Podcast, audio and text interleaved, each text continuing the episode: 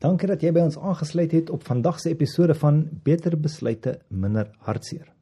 In vandag se episode sal ons daarna streef om inhoud te verskaf wat jou sal help om beter besluite te neem en seker te maak jy eindig waar jy wil wees in jou lewe of dat jy nie daar aankom waar jy weet jy definitief nie wil wees nie. Sagmoedigheid. Die vrug van die Gees is vir baie van ons 'n proses wat ons deurloop soos ons groei in ons geestelike wandel. Hierdie deugde is liefde, vreugde, vrede, geduld, vriendelikheid, goedheid, getroudheid, sagmoedigheid en selfbeheersing. Vir ons is dit noodsaaklik om die vrug van die Gees te kweek. Dit weerspieël die karakter van Christus en stel gelowiges in staat om hulle geloof op praktiese maniere uit te leef. Die vrug van die Gees is nie iets wat ons deur ons inspanning doen nie. Dit is eerder die gevolg van 'n lewe wat aan God oorgegee is en gevul is met die Heilige Gees. Van al die deugde en die vrug van die Gees kan sagmoedigheid besonder uitdagend wees om te verstaan en te beoefen. Dikwels geassosieer met swakheid of passiwiteit word sagmoedigheid in ons kultuur oor die hoof gesien. Tog stel die Bybel sagmoedigheid as 'n kragtige en belangrike eienskap, beide in ons verhouding met die Here en met ander.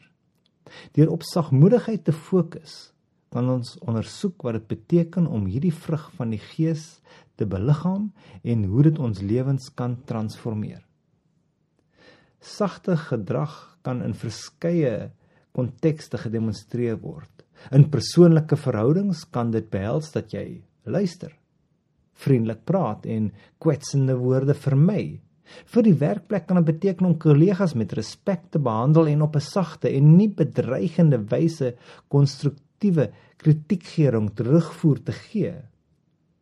Ouerskap met sagmoedigheid behels om geduldig met kinders te wees. Meer geduldig as ons dink, meer geduldig as ons dink ons kan wees en om 'n harde straf te vermy en 'n sagte toon en houding te gebruik.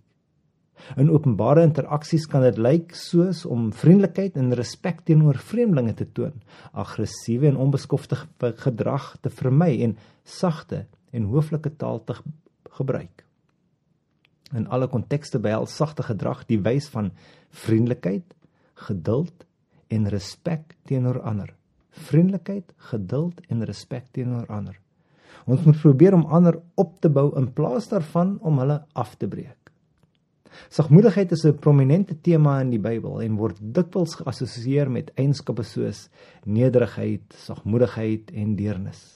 In die Nuwe Testament word Jesus beskryf as sagmoedig en nederig van hart Matteus 11 vers 29 en hy het hierdie sagmoedigheid gemodelleer in sy interaksies met ander.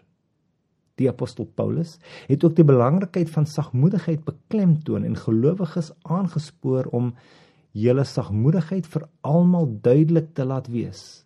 Filippense 4 vers 5 In Galasiërs 5 vers 22 tot 23 word sagmoedigheid as een van die vrugte van die Gees gelys wat die betekenis daarvan vir gelowiges beklemtoon. Dwars deur die Bybel word sagmoedigheid uitgebeeld as 'n kragtige en transformerende eienskap, een wat die karakter van God weerspieël en noodsaaklik is vir gesonde verhoudings en gemeenskappe. Baie Bybelse figure is bekend vir hulle vertoon van sagmoedigheid teenoor ander. Een voorbeeld is Moses wat beskryf word as baie nederig, meer as enige iemand anders op die aarde. Moses het sagmoedigheid getoon in sy leierskap van die Israeliete en het dikwels namens hulle ingetree en probeer om hulle met God te versoen. Nog 'n voorbeeld is Dawid wat sagmoedigheid teenoor koning Saul getoon het selfs toe Saul probeer het om hom dood te maak. Dawid het geweier om Saul leed aan te doen omdat hy sy posisie as God se gesalfde erken het en hom eerder goedhartigheid en barmhartigheid betoon. Jesus is natuurlik die uiteindelike voorbeeld van sagmoedigheid, aangesien hy hierdie eienskap deur sy hele lewe en bediening beliggaam het. Hy het die siektes genees, die honger die hongerende gevoed en sondernaas vergewe en altyd deernis en liefde getoon teenoor diegene wat hy teëgekom het. Hierdie voorbeeld herinner ons daaraan dat sagmoedigheid 'n kragtige krag teen goeie is, een wat lewens en verhoudings kan verander. As Christene is sagmoedigheid 'n noodsaaklike aspek van die navolgeling van Christus. Sagmoedigheid weerspieël die karakter van God wat vriendelikheid en genadig teenoor ons is. Wanneer ons sagmoedigheid teenoor ander toon, wys ons hulle liefde en respek en skep ons 'n omgewing van veiligheid en vertroue. Sagmoedigheid help ons ook om sterker verhoudings met ander te bou, aangesien dit ons in staat stel om te kommunikeer en konflikte op te los. Terwyl ons probeer om Christus te volg en sy liefde in die wêreld uit te leef, is sagmoedigheid 'n belangrike eienskap om aan te kweek, een wat genesing, verzoening en vrede kan bring.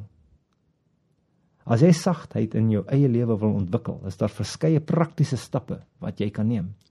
Neem eerstens tyd om na te dink oor God se karakter en sy sagte aarde teenoor ons. Sy liefde is wat ons moet navolg met diegene rondom ons. Tweedens, oefen empatie teenoor ander. Derdens, oefen selfbeheersing en vermy om hard te reageer. Vierdens, probeer om diegene te vergewe wat ons verontreg het. Laastens, vra vir die Heilige Gees se hulp om sagmoedigheid in jou eie lewe te laat groei. Baie dankie